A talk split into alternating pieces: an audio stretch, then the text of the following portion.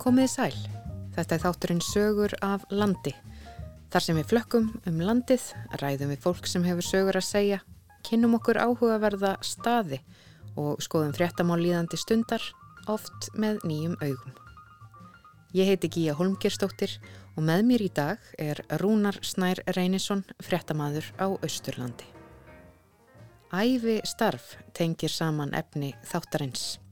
Já, auk þess sem að Noregur tengir viðmælendur þáttarins stert saman. Við hefjum þáttinn á heimsókn til skóarbóndans Hrefnu Jóhannesdóttur á Silvrastöðum í Skagafyrði en Hrefna ákvað snemma að gera skóraktina að sínu æfistarfi. Þannig sá ég bara hreinlega ljósið og ákvað á þessari stundu að þetta langaði mig líka að gera þannig að kjölfarið sótt ég um í skófræði í Nóri. Því næst kynnumst við organistanum og kórstjórnandanum Torval Jerde sem stendur nú á tímamótum eftir að hafa starfað sem organisti við Egilstaðakirkju í rúm 20 ár. Líka svo nú get ég fara að syngja meira líka sjálfur sem ég eiginlega aldrei hefur haft tækifæri til að syngja í kór þá að ég hefur alltaf verið á stjórnakór. En við hefjum ferðalægið í Skagafyrði.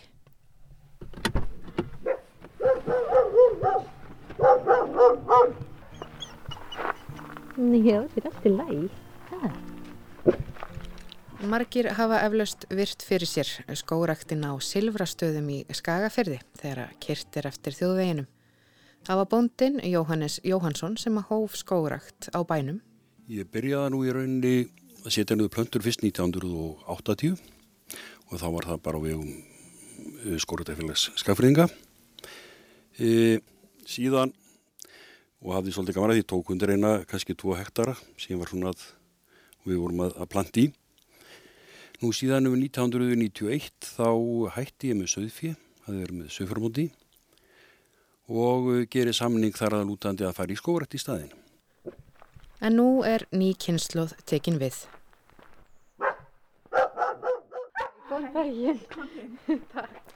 Ég hitti Hrefnu Jóhannesdóttur, dóttur Jóhannessar, á heimili sínu í Skagaferði og forvittnaðist um hennar sögu og sögu skóarins.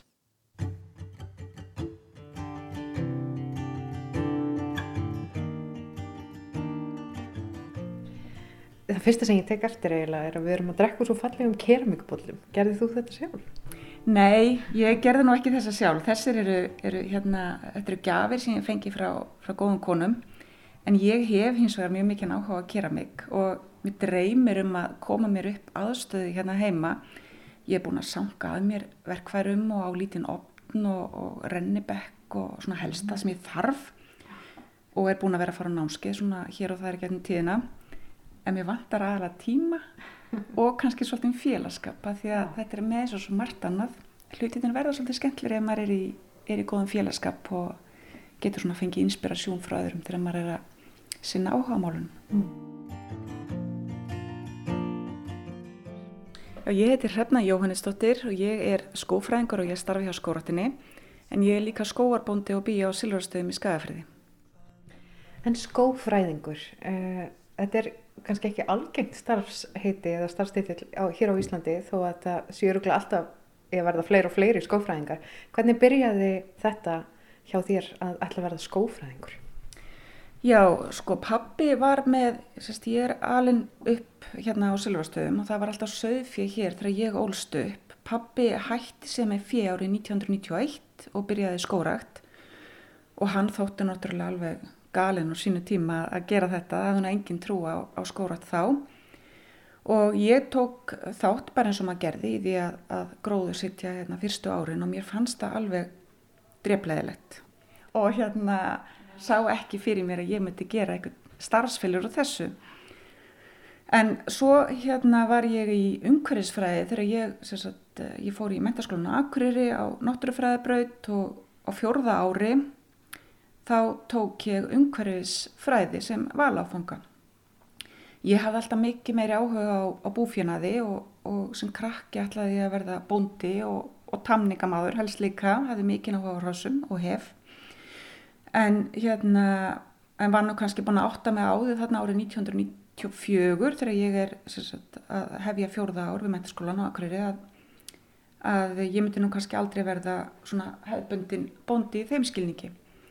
Er síðan í hérna, umhverfisfræði hjá Kristínu Sigfúrsdóttur, hún var náttúrulega mjög hérna, áhugasum og, og hérna svona mikill, hvað segir maður, eldmóður í Kristínu fyrir umhverfismálum og hún fór með okkur út í Kjarnaskó þar sem við hittum fyrir skóaförðun Hallgrím Indriðarsson og e, þeir sem þekkja Hallgrím vita að það er mjög gott að vera nálatónum og, og hann var svo brósmildur og gladur þegar hann tók á mót okkur krökkunum og var að lýsa fyrir okkur hvernig þessi tríi í skóginum hefði vaksið svo vel, þetta var bara smá tríi þarna þegar hann byrjaði og voru núna orðin, þetta bara skóur og, eh, og þá hugsaði með mér, já þetta er eitthvað sem ég geti hugsað mér, ég get alveg hugsað mér að hérna að rækta skó, þó mér finnst leiðilt að gróðsitja, þá get ég hugsað mér að rækta skó og ég held að hljóta að vera skemmtilegt þegar maður horfir yfir mm. starfsæfina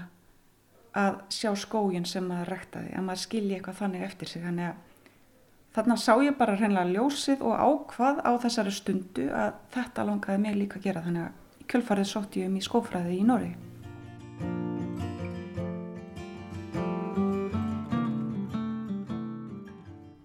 Og tókstu stefnuna strax á Nóri? Var það bara augljósasta leiðin eða, eða hvernig svona valduru uh, þann farveg? Nei, ég, það sem ég gerði var að ég hérna ringdi í þessar skófræðingar sem þá voru starfandi og leitaði ráði hjá þeim og þeir svona kvöttu mér nú til þess að fara til, já, Norex eða sumuröðu fara til Svíþjóðara Finnlands. Einhverju voru mjög áhuga sá að ég myndi fara til, til Þýskalands. Ömmu minni fannst að ég ætti alveg endil og absolutt að fara alltaf Danmarkur því að Dani var svo skemmtilegir en og henni fannst það alveg galið að ég skildi velja Noreg því að normið var svo leiðilegir. En ég hérna sótti nú bara um í Noregi og var strax alltaf einbitt og ákveðni að fara þangað og gerði það og hef ekki séð til því. Hvar varst í Noregi? Ég byrjaði að vera í þrendalögum, eitt vetur þar, það var alveg ræðilegt þegar það var svo erfið mállískan og ég man, sko, ég náttúrulega skildi ekkit þar sem að kennarinn voru að segja, þeir töluðu með svo svona þungri mállísku úr þrendalögunum. En ég tók sérst fyrsta árið þar og, og ætlaði að taka þrjú ár en kynntist manninu mínum, Jóhanni Holst, við vorum saman í Beck og við byrjum mjög fljótlega saman eftir að ég byrjaði í skólanum og það var síðan úr að ég fór með honum til land, í landbúnarháskólan Ási þar sem við kláruðum síðan master árið 2000, bæðið tvö. Já. Þannig að þeir eru hérna tveir skófræðingar. Já. Og norskur í þokkabót, hvernig leið ömmuðinni þegar þú komst með hennar norska mann heim?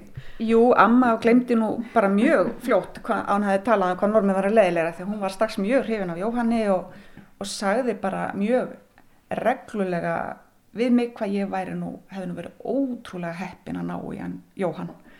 Og hérna, en hann náði alveg að sérmera ömmu upp úr skónum og, og hérna, og það er náttúrulega hefð fyrir því að hér heiti allir Jóhann og Jóhannes þannig að þetta var kannski bara skrifaði skíin þannig að þetta fór allt bara mjög vel og amma var alveg bara mjög ánað með þetta En Silvurastæðir, það hefur nú verið skórekt hérna já, lengi eins og þú segir, þú byrjaði að planta þarna með pappaðinum en var stefnan alltaf hjá þér að fara á Silvurastæði? Já, ég stemdi alltaf heim. Það var aldrei sko það var aldrei evi í mínum huga ég ætlaði að enda hér. Og uh, Pappa og mamma skildu þegar ég var fimm ára en ég var hins vegar mjög mikið alltaf hér á sumrin og, og hérna þó ég hef aldrei gengið í skóla í, í skagafyrði og ég þekkti þannig að séð ekkert marga skagfyrðinga og ég á ekki marga ætninga hérna heldur. Við erum, við erum mjög, þetta er lítil ætt, pappa megin en hérna, já, mér langaði alltaf að enda þetta. Hérna eru, hérna eru mína rætur og þó ég hafa nú einhvern tíma lesið hérna því að maður er, maður er eitthvað svo fastur alltaf að hugsa um hvaða maður kemur og maður er eitthvað svona einhver, einhver maður er einhvern veginn bundi með þá staði og mér fannst það til dæmis mjög áhugavert í Noregi hvað, hvað fólk var og já og bara á Íslandi líka. Fólk er svo hérna fast í að sækja svolítið heima hana ég las einhver tíman hérna tilvittnin eftir eða ég man ekki hvað það var eitthvað sem að, að Salman Rösti saði við ættum að muna við við fólk, við höfum fætur, við höfum ekki mm. rætur, við getum alveg fært okkur á milli, þá samt einhvern veginn sækir maður heim og ég vildi alltaf festa mína rætur hér. Já. Þó mér ég sé mjög glöð með það að ég hafi notið fæturnar, notað fæturnar og ferði út í heim og, og búið annar staðar. Mér finnst það að vera hérna, ég mjög bara þakklátt fyrir þau tækifæri að hafa getið gert það og, en gott að vera komin heim.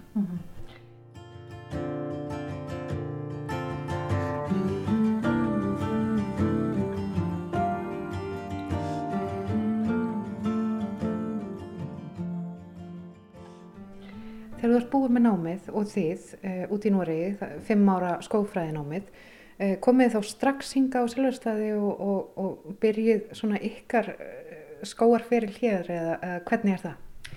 Nei, þá erum við sérst að vinna hjá skórat ríkisins sem þá var og við byggum á Akureyri, pappi var náttúrulega bara í fulli fjöri þá og, og hérna hann var bara rétt um 50 og ha, það var alltaf fullu hér þá í að gróðursetja þennan skó og, svo sem mikil umsvið varðandi það sem að hann og Þóra, Jóhannesdóttir, hans kona, sáu um og við byggum á Akureyri og vorum bara venjulegt skrifstofu fólk í rauninni að hérna sinna skórat þar og, og hérna og flytjum síðan út 2011 til Noregs. Þá vorum við komið tvö börn, 6 og, og 4 ára og þetta var góður tíðanpunktur, eldra batna okkar var að fara að byrja í batnaskóla. Uh, Jóhann fekk tilbúðum um mjög áhugaverða vinnu í Noregi þannig að við ákvaðum að, að breyta aðeins til, fara og eiga nokkur ári í Noregi aftur. Það var sérst á árunum 2011 til 2015 sem við byggum í Noregi. Já. Og hvernig var lífið í Noregi þegar að, að þið fóruð þarna aftur? Jú, það var bara mjög gott. Jóhann var hérna bara ánæður í sinni vinnu og, og, og lærði náttúrulega helling. Hann var búin að vera að sinna mjög mikið hér á Íslandi þessum fyrstu, þessu fyrst, hvað, þessu fyrstu skrifum í skórætt, hérna ráðgjöfli bænda, eh, jarðvinnslu, gróðusetningum og öllu svoleiðis og þegar hann komið til Noregs þá var hann alltaf komin á hinnendan, Já. komin í loka högg í skóginum og, og, og hérna öll, allir þeirra umsýslu sem fylgir því. Þannig að það var mjög gaglegt fyrir hann á þeim tímapunkti að, að prófa það. Ég hérna var í, uh, átti svona aðeins erfiðara með að, að fá vinnu við hæfi, byrjaði að vinna í leikskóla og, og fekk síðan vinnu hjá hérna, norska líforku fyrirtækinu, það er að segja Norsk Bioenergy Forening, þar sem að ég var hérna svona að sjá um félagatal þeirra sem að voru að já, framleiða hýta má segja úr líforku, eldi við og hálmi og, og, og repjóli og sliku. Og það var líka eitthvað alveg nýtt fyrir mig og, og mjög gaglegt. En ég misti síðan hérna vinnuna þar, það var hérna hart í ári hjá líforkufélaginu og, hérna og um, mér var sagt upp og ég var nú alla almennilega búin að átta á því að ég væri hérna ekki hennar vinnu þegar, þegar einn sagt, félagsmaðurinn uh, ringir í mig og, og býður mig vinnu hjá sér og það reyndist mér mikið gefurspor. Hann hérna heitir uh, Erik Húle, þessi maður sem bauð mig vinnu og, og er í rauninni, uh, hvað það að segja, þetta opnaði augun mín fyrir hérna ymsu varandi það hvernig mér langar að hafa hlutina hérna hjá okkur á Silvarstöðin líka. Þetta, hann var bara, það var bara venjulegt bondabíli uppalega, þeir voru með 8-12 mikinn skó, voru líka sagt, kortframleðendur og einhverjum 20 árum áður en að Erik býði mér þessa vinnu, þá byrjaði hann með þekkingarsetur um líforku.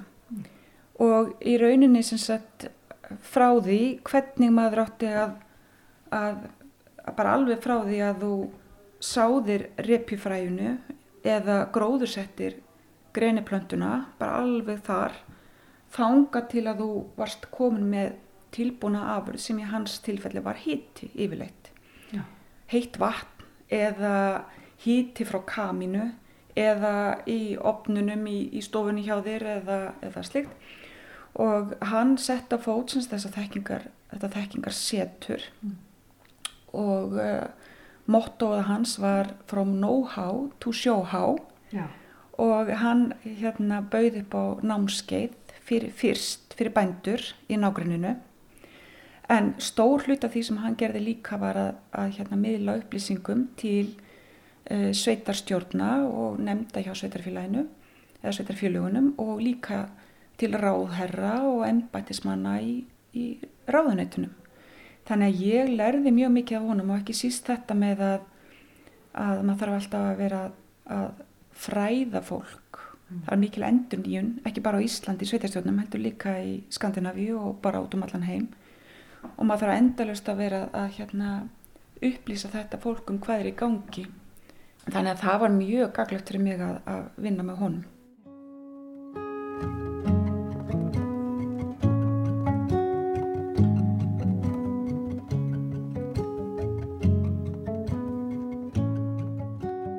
Svo ákveðið þið að koma heim og eru búin að fá þessa reynslu en komið þið strax þá og takið við eða hvernig?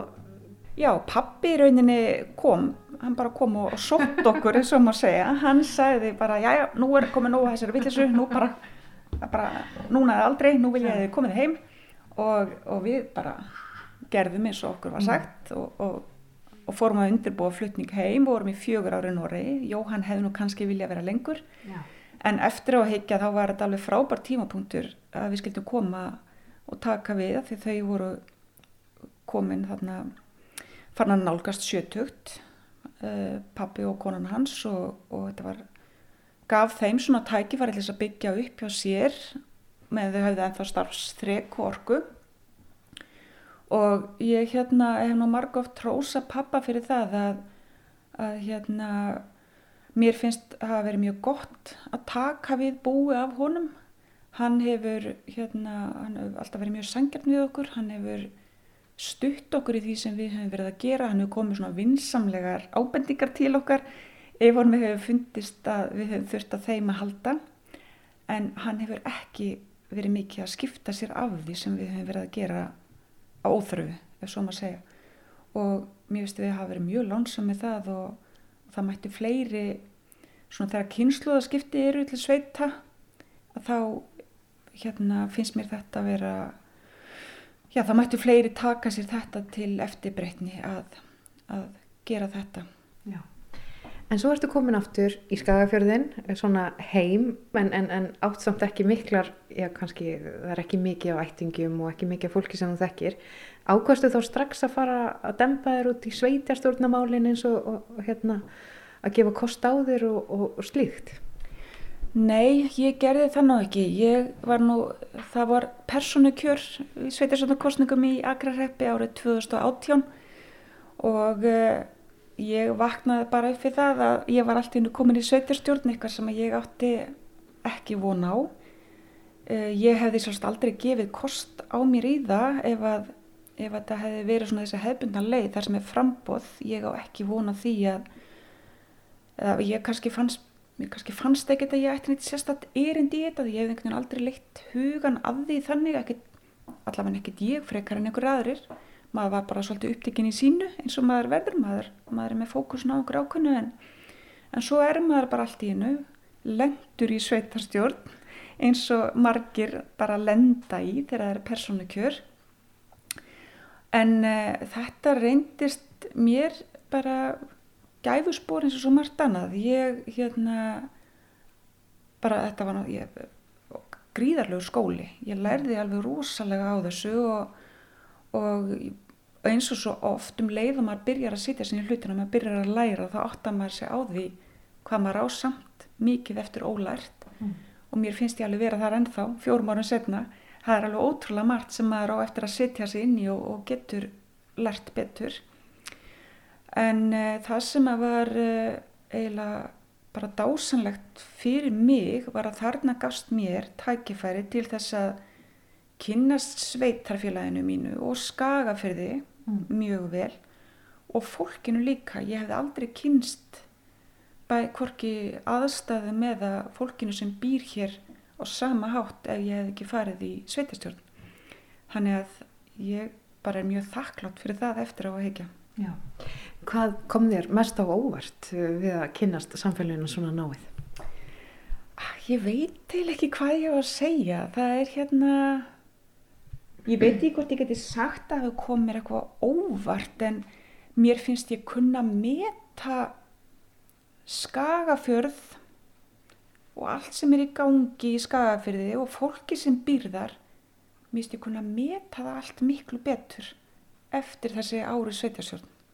Þetta er kannski hérna svolítið skrítið að segja þetta en, en þegar maður þarf að setja sig inn í aðstæður mm. þá sér maður líka hvað fólk er að leggja mikið af mörgum. Það er óbúslega margir að leggja mikið af mörgum í sjálfbúðarlega vinnu líka og, eh, og það er það sem að gera náttúrulega samfélag okkar eins og það er. Það er fólki sem býr í því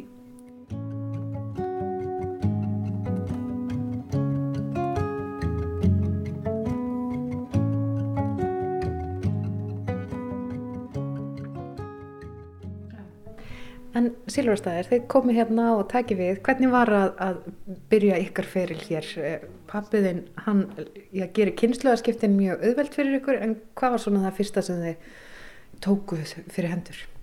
Já, við þurftum fyrst bara svolítið tíma til þess að búa hérna, til þess að átt okkur á því hvernig við vildum hafa hlutina. Við fluttum inn í, inn í sagt, gamla bæin mm. sem var byggður um 1950, þannig að við þurftum bæði svona átt okkur á því hvernig við vildum hafa hlutina heima hjá okkur eh, innanvekja heimilisins en líka hvernig við vildum bara hyrða um skógin og hvað við vildum gera við skógin Já. og eh, og eh, ég var nú hérna nú mjög ána með það að eiga svona uh, skiplaðan mann af því að ég er náttúrulega svolítið íslendingur í því að að maður ríkur bara í hlutina þegar maður þarf að gera þá. Maður er ekkert að maður er ekkert að gera þá eitthvað með góðum fyrirværu oft. Og þá er svolítið auðvelt að láta bara skógin damla, maður hugsa sér já, maður gróður sér til tréð og svo þarf maður kannski ekkert mikið að gera fyrir kannski grísi einu og svo er, er rjóðurfelt eftir 80 ár. En Jóhann kefði með allt annan hugsanarháttin í þetta og það var bara strax frá fyrstu stundu sko við þurfum að hérna, grísja 10 hektar á ári ef við ætlum að einhver tíman að, að komast yfir þetta allt saman, þetta eru 460 hektarar sem við hefum sett undir skó hjá okkur. Og uh, við byrjuðum bara smátt það var bara tvær keðjusægir, við keftum fjórhjól mjög fljótlega og vorum með lítinu vagn og þetta fór allt fram með handabli bara. Já. og svo höfum við smá saman verið að auka við tækjabúnaðin þannig að þetta verði skilvirkara hjá okkur allt sem við erum að gera og eh, eru núna komið mjög fína aðstöðu með, með hérna, tókum gammalt fjárhús, steiftum þar golf og, og erum með þryggjafassa rafmagn og þar eru ímis, tækjabúnaður þannig að við getum gert eldi við og kurl og girðingarstöyra, uh, eh, félagi okkar að það er bandsug þannig að það er hægt að fletta timbri líka. Og uh, svo er, var nú bara tímamót hjá okkur fyrir einu, tveimur ára síðan þegar við keftum timburvagn og, eh, og dráttarvél þannig að við komumst um skóarslóðuna til þess að, að hérna, sækja timbrið. Því að það verður nefnilega ótrúlega fljótt, ótrúlega þungt. Já. og af því að ég nefndi nú hérna orkusetrið í Noregi áðan, Energigóren og ég var að vinna þar alveg til 2017 og uh, yfirmaður minn þar, hann var mjög kvetjandi og hann sagði alltaf já hrefna nú þú bara býr til svona energigór á sylvarstöðum og þó að ég myndi nú að, myndi kannski ekki fara í eða ekkit kannski, ég er ekkit að fara í framlegslega líforku hérna að þá hefur hans sann sáð frægi og mér langar svo litið til þess að, að hérna uh, gera úr þessu svona uh, from know-how to show-how svo ég sletti nú svolítið hérna á sylvarstöðum þannig að að við séum að taka móti fólki, bæði mm. einstaklingum og, og uh, sveitasjórnar fólki eða, eða fólki frá mismunandi stegum stjórnsýslunar.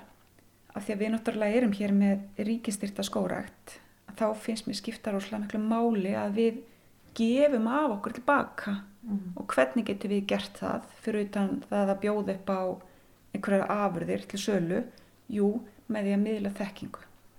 Þannig að okkur finnst skipta rosalega miklu máli að miðla uh, til annara því sem að okkur finnst takast vel hjá okkur hérna. Og náttúrulega miðla líka því sem miður fer þannig að fólk geti lagt að reynslinni og svo finnst okkur skipta mjög miklu máli líka ásind skóarins Já. uh, við erum ekki með stærsta skóin en við erum kannski með lengsta skóin þetta, er, fólk er að keira einhverja 8, 7, 8, 9 kílometra meðfram uh, skóinum okkar þegar fyrir þjóðvega 1 og okkur finnst það skipta mjög miklu máli að það sem mætir auganu að það sé fallegt að þetta sé vel hýrtur skóur og, og snirtilegur og um, þannig að við getum þá sínt líka svo litið hvað hægt er að gera úr þessari öðlind Eh, Svona ykkar draumsinn hér á Silvarstöðum, nú eru þið búin að búa hér og stundaskórækt frá 2017. Hver er svona ykkar draumsinn varðandi þennan stað? Jú, við viljum náttúrulega hérna rækta nýtja sko. Það er okkar draumsýn fyrst og fremst. Við viljum búa til verðmætti fyrir komandi kynnslóðir, hvort sem það eru okkar afkomendur eða, eða einhverjir aðrir. Það er nú kannski svona megin takmarki með þessum skói hér. Auðvitað náum við ekkert að hýrðum allan skóin. Við erum eins og þeir sem að fara hér um þjóðveginn, þeir sjá að það er búið gróður sér til alveg efst upp í klettabeltin og, og mikið af þessum skói verður þá náttúrulega bara, hann fær bara að standa. Uh, partur af þessu er þá þessi kólutnisbinding í standandi skói og, uh, og í sumum tilfellum þá jarðvegsvernd líka. Það var, þetta var mjög rýrt land, uh, mikið af þessu landi áður en við byrjum að gróður sér En, eh, en þetta, þessi skóur sem er svona, við erum búin að vera að vinna svolítið í innviðunum í, í okkar skógi, byggja upp stígakerfi, þessi hægt að fara um með timburvagn og, og þegar að við síðan kemur að því að, að bólviðurinn, að bestu þessi bóleitnir í skóginu, þegar þeir eru orðnir hérna, komin á, á þann stað í ferlinu að það sé kom tímabært að, að rjóðurfella þá reyti, þá hérna viljum við gerðan selja þá til einhverja sem geta síðan unnið úr þeim afurðir þannig að við erum svona að undirbúa það að, að hægt sé að fara um með timburvagn þannig að hérna Bjarki hjá skóarafurinn til dæmis sem að, sem að margir kannski kannast við fyrir austan að einhverjum svo hann mm -hmm. taki við ja. afurðum okkar þannig að það er svona okkar framtíðar sín já, að eitthvað sé svona bara hvað þá að segja þessi skóur sem fá bara standa mm -hmm. en, en sá skóur sem að við hérna, komumst í sé kannski svona 50 metra frá skóarslóðunum að við reynum að, að sinna honum eins vel eins og við getum til þess að komandi kynnslóðir fái verðmætti úr honum Já og svo hefur þetta svona bara persónulegir draumar, það er keramík námskeið, nei hérna keramík vinslan, bara verið keramíkinu já. og hitt og þetta, er eitthvað já. meira svona eins og keramíkið sem að já, þú sér fyrir þér persónulega? Já, ef að ég hérna, ég segna stundum, ef ég myndi vinni í lottói, þá myndi ég hérna og geti bara hægt daguninni sem að ég er ekkert endilega við sem ég vilja því að hún veit ég mér alveg tölvöld mikla ánægu, mér finnst þetta, mér finnst ekki leiðilegt í vinninni, alls ekki en ef ég myndi hérna vinni í, í vikinglottói þurfti ég nokkað að köpa miða fyrst. En, en ef ég myndi en ef ég myndi hérna geti gert það sem mér langar til þá myndi ég bara sinna skóginu mínum. Ég myndi vera allan daginn út að vinna eitthvað í honum með, með Jóhanni og finnst það mjög skemmtilegt. Svo myndi ég koma með góður keramikastöðu svo ég geti svona uh, leift þessu hérna, skapandi parti af mér að svona þróskast og blómstra vonandi líka og svo myndi ég vilja sinna hestamennskunni mér það væri hérna þannig að í rauninni þá hef ég allt sem ég þarf Þetta er bara blómlegur tími framöndan hér á Silvarstöðum. Já, það má segja það. Mér, hérna, mér finnst ég vera mjög dugli að láta draumana rætast gera það sem ég langar til og með, góð, með gott fólk að kringa mig. Það er gott að klára á þessum jákvæðu orðum. Takk fyrir að taka móti mér hérna á heimilinu ykkar á Silvarstöðum í Skagaferði og gangi ykkur vel. Hrefna Jóhannesdóttir. Takk fyrir kærlega.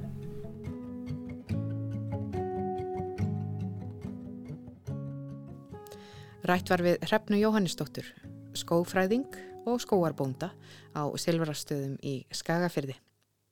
En næstir ferðinni heitið Austur á land.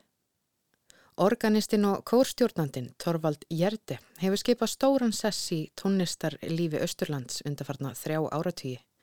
Hann fluttist til stöðvefjörðar árið 1993 en nú stendur hann á tímamótum eftir að hann leta af starfi sem organisti Egilstaðakirkju þar sem hann hefur starfað í rúm 20 ár. Rúnar Snær Reynisson hitti Torval á dögunum og rætti við hann um hvað heitlaði hann í tónlist og hvað tekur við þegar að skildum organistans sleppir. Góðan daginn. Góðan daginn. Hvernig byrja svo dagurinn hjá atvinnum músíkvöndum? Þarf að liðka því hennu á fingurna eða? Nei, það er nú, ég byrja yfirleitt á morgunleg fimmi smá og svo fæ ég mig í róligheitum morgunmat og svo á meðan ég les kannski blöður og, og þannig og svo fyrir ég oftast í tölvu kannar fretti og tölvupost og þannig og svo fyrir ég á stað yfirleitt. Svo fyrir að staði í músíkina? Já, eitthvað. Plana, útsetja, æfa ef það er eitthvað sérstækt og er að ef ég er morgun friskur og duglegur nóg svo fer ég í göngutúr líka. Þá annars ger ég, ger ég það yfirleitt setna á daginn. Ég heiti Torvald Jærda og er organisti og tónlistakennari hefur verið. En nú er ég farin á eftirlaun svo það er bara svona verkefni sem ég er að klára að ganga frá. Annars svo er það svolítið óskrifin tabla nú ég segi stundum nú á ég frí resten af lífinu líka Hver eru þínar fyrstu minningar um tónlist? Já, frá ég var pínu lítill svo var ég nú alltaf mjög hrifin á tónlist þegar ég heyrði að var spila einhver stað svo, svo dróði að, mér tónlistin að mér eins og segur og e, því ég komst til hljófæri sjálfur svo var ég bara hamast að spila eitthvað svona ruggl og bull en mér fannst það rosalega flott. Ég man eftir, ég var ekki stór þá. Ég byrjaði að æfa meira ákverði þegar ég var 11 ára því það var ekkert hljófæri hjá okkur en en þá stóð mjög lítið og eh, einfalt eh, harmonium hjá ömmu minni og ég fór þangar og byrjaði að, að hamast í því eh, og, og spila nótur líka sem ég bara tólkar á mínum hátt. Ég kunna ekki nótur ég skildi kerfið og fór að spila. Svo kom bróði pappa setna, hann kunna að spila og sagði þetta er ekki rétt að nótur að spila það, þú þarf að færa hendina til og þessi nóti heiti þar og svo framvegis og þá fekk ég nótnakerfi meira í lag og fór að spila rétt og svo spilaði ég með vinstru hönd en nei þú ótt að spila þetta með hægri hönd, særi hann og svo fór ég þetta smátt og smátt að lagast hjá mér og svo fór ég áfram að bara að spila mikið eftir nótur en líka frjálst. Ég er fættur á eigu sem heitir Holsnau á máliskunni, Holsnau, en eh, hún er skrifað, það er skrifað á korti Halsnau. Eh, það er eiga í Sunnhördalandi á milli Bergen og Stavanger. Tónlist sem sagt, ég er sjálflæður lengi, ég var enginn til að kenna mér, eiginlega til þess að ég byrjaði í háskóla og þá kunni ég nú þegar svolítið mikið. Þá lær ég tónlist í Trondheim og það er í fyrsta skipti alvöru að spila á kirkuorgel, pípuorgel og, og einbeitti mig að fullu að því og mest að því. E, þegar ég var búinn það svo var ég mentarur e, tónmentakennari með orgel sem aðra hljófæri.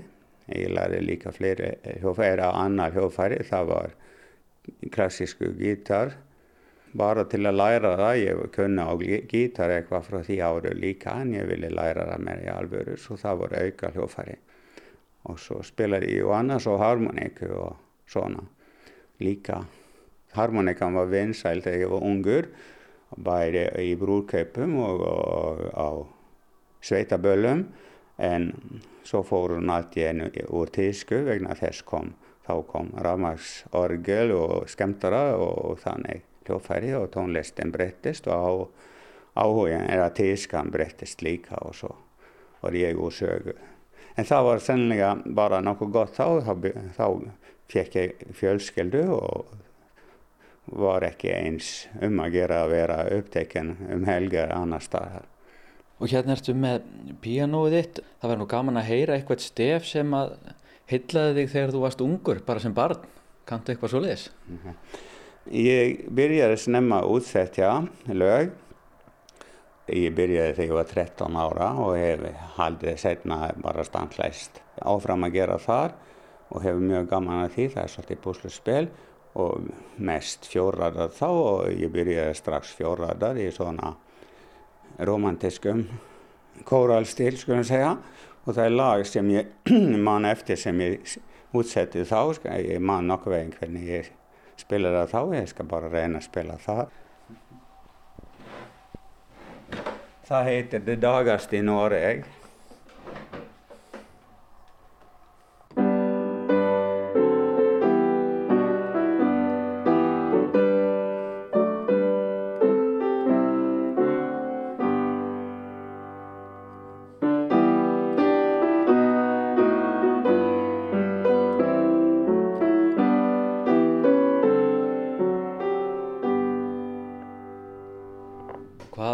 þessu stefi sem að heitlaði þig svona ungan? Nei, við sungum þetta lag mikið í skólanum og það er um ungmenni hver sem vaknar og lifnar og læðir og, og vill, er duglegt og vill gera eitthvað í lífinu og, og það byrja vel. Og við sungum þennan söng mikið í skólanum og mér fannst lagið fallegt og söngurinn skemmtilegur og, og þess vegna fór ég bara á stað eins og ég gera alltaf þegar ég fatta eitthvað lag, þetta væri gaman að fykta í og svo fyrir ég á stað. En þú eh, er tónlistakennari í Noregi heil lengi og svo þegar þú ert rúmlega færtur þá flyttur þú til Íslands. Hvernig kom það til? Já, ég hitti ju íslenska stólku þá í Noregi og, og við byggum þar svolítið eh, tímabil en svo vildi hún enlega flytja til Íslands og, og það gerðum við og við lendum þá á Stöðafyrri. Þar fekk ég gott starf sem tónlistaskólastjóri bæði þar og í Breðarsvík og um, um, svo var ég líka organisti við, við hlýðna og, og hún var líka tónlistakennari svolítið í tónlistaskólanum. Svo, og það var mjög bæði skemmtilegur starf, skemmtileg svæði og, og mjög skemmtileg starf sem hendaði mér bara vel. Og svo flyttur þið ynga til Eilstað, er það ekki um 2001 og, og, og tekur þið starfi hér sem organisti? Jú, þá var auðvitað starfi hér og ég var kvattur líka til að sækja um og ég gerði það og fekk starfið og hef verið í því um, þangar til núna og, og fór á eftirlaun 1. ágúst síðastliði. Árið fyrir var ég fyrst og fremst tónlistakennari og svona organisti við hlýðin af en hér var það öfugt, hér hef ég verið fyrst og fremst organisti og svo eitthvað kent í tónlistaskóla, líka eitthvað við hlýðin af. Ég hef gaman af því að framkvæma tónlist sjálfur en ég hef ekki séru gaman af því að, að, fá, að hvetja aðra og fá aðra, virkja aðra í tónlist. svo þetta er eitthvað svona bara sem liggur í, í manni. E, þörf og, og tónlist er bara mjög heillandi eru þetta fyrir mig og fyrir marga, mér minna fyrir alla eiginlega. E, hver hefur svolítið sitt svið en, en samt allir eru meira minna hrefin á tónlist og tónlist skiptir rosalega mikið í lífi allra eiginlega Og þú varst kvartamadurinn að stofnun Kammerkórs hérna við Eilstæðakirkju og, og, og þú og Kammerkórin eru búin að flytja mörg uh, verk og, og þú hefur verið að vinna úr uh, þjóðlaga hefðinni, er það ekki? Hann var stofnur fyrst og fremst til þess að flytja kórverk en svo annars lagi syngja önnulög inn á milli og það höfum ég gert og störstu verkin og verkin sem standa mest upp úr eru þá Jólaórtáðjan eftir Bach og Hendels Messias En annars så höfum við flutt uh, nær 30 minna og stærri kórverk á samt og langt á annað hundra önnulög. Svo við höfum verið svolítið virk.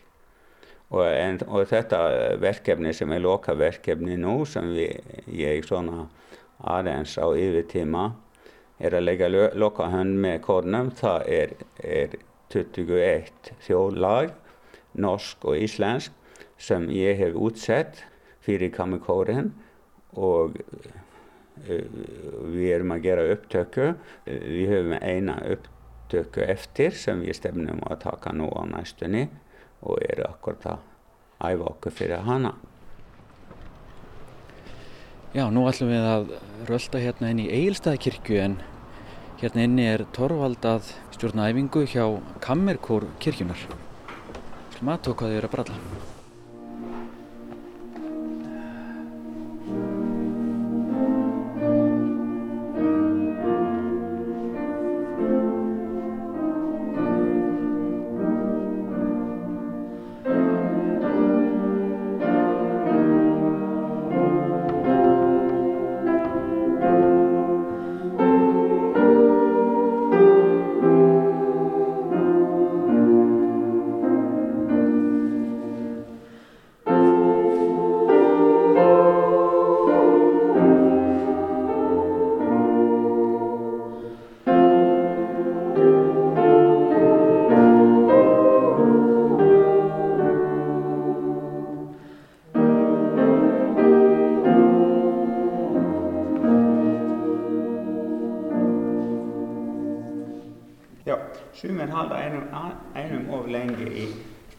Þá mun heyrast betur þegar eðstensingum er. Eh, nú munar þetta ó þá í mununum á eminu, tökum fyrsta versið á að vera mild, en aðeins meira líf í annari línu enn í fyrstu. Svo það fyrir að gerast eitthvað og líka í framhaldinu látur að lifa, það líkur svolítið spennu í lag og útsetning sem við látum koma fram. Á emmi, en góru emmi þá, mildu góru emmi og austein.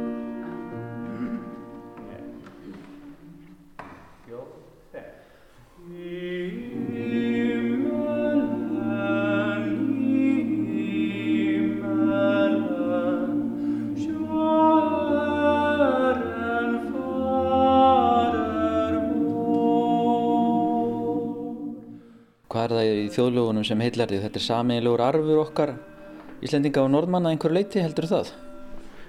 Já, sem lagana er, er þar. Þjóðlög fara á milli, á milli fólks og milli landa og nokkur þeirra er ju eins vel færeist, íst, skosk og, og norsk og íslenska.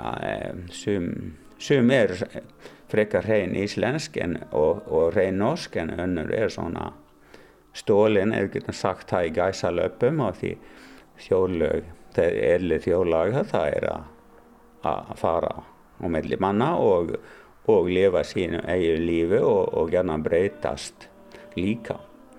E, og akkur þetta, þetta er eins ein, ein svona þjóðar eign sem menn í gegnum tíðina hafa haft mjög gaman af og skipt miklu máli fyrir, fyrir þjóðlífi, fyrir fólk, bæði í vinnu og frítíma og ekki síst til skemmtuna.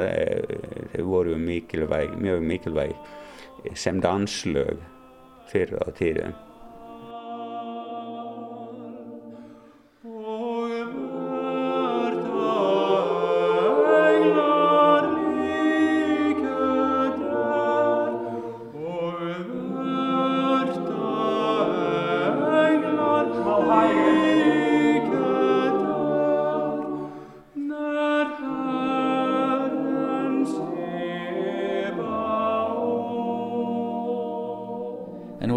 Að vinna en ætlar kannski að halda áfram með kammerkórin eða hvernig sér þau næstu árin fyrir þér?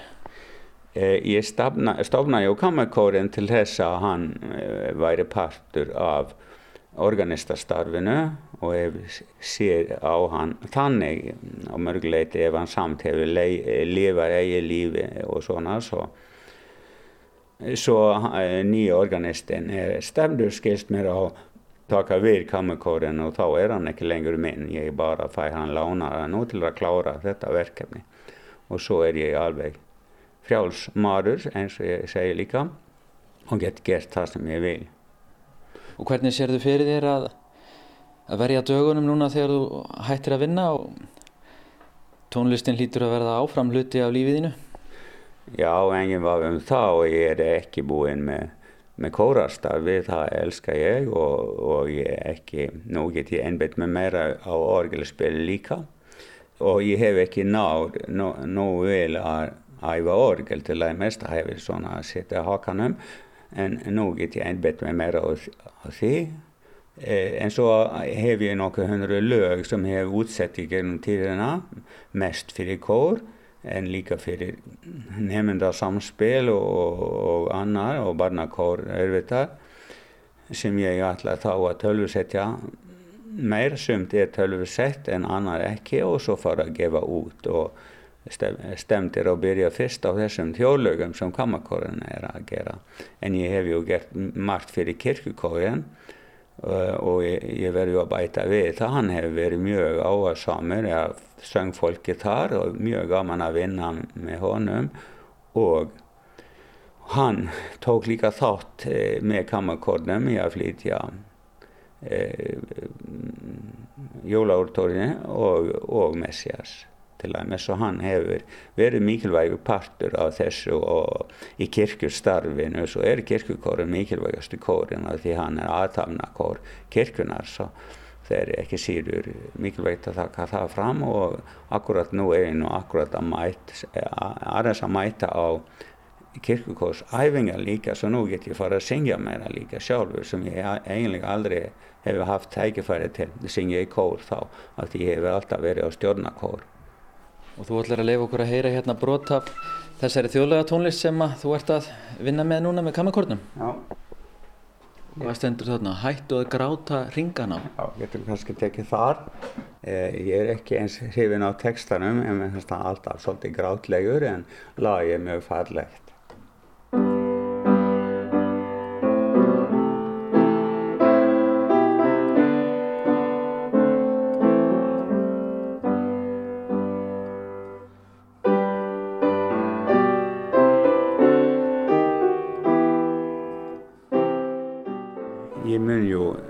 Dvelja hér eitthvað, klára verkefninu með kammerkornum og gefa út diskina eftirvinna með því.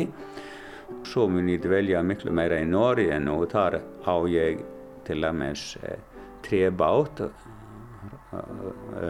sem ég get seilt líka, ró, róið og seilt og ég get þá dvalið meira á sjó og veitt fisk.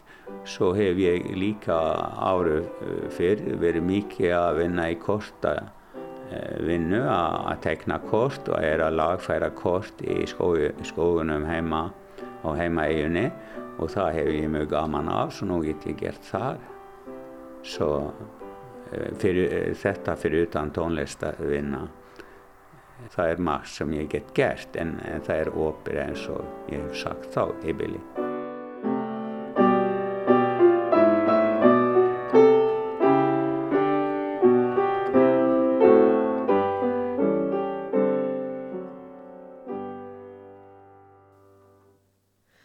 Rúnar Snær Reynisson rætti við Torval Jærdi sem nú stendur á tímamótum eftir hann let af starfi sem organisti Egilstaðakirkju eftir um 20 ár í starfi.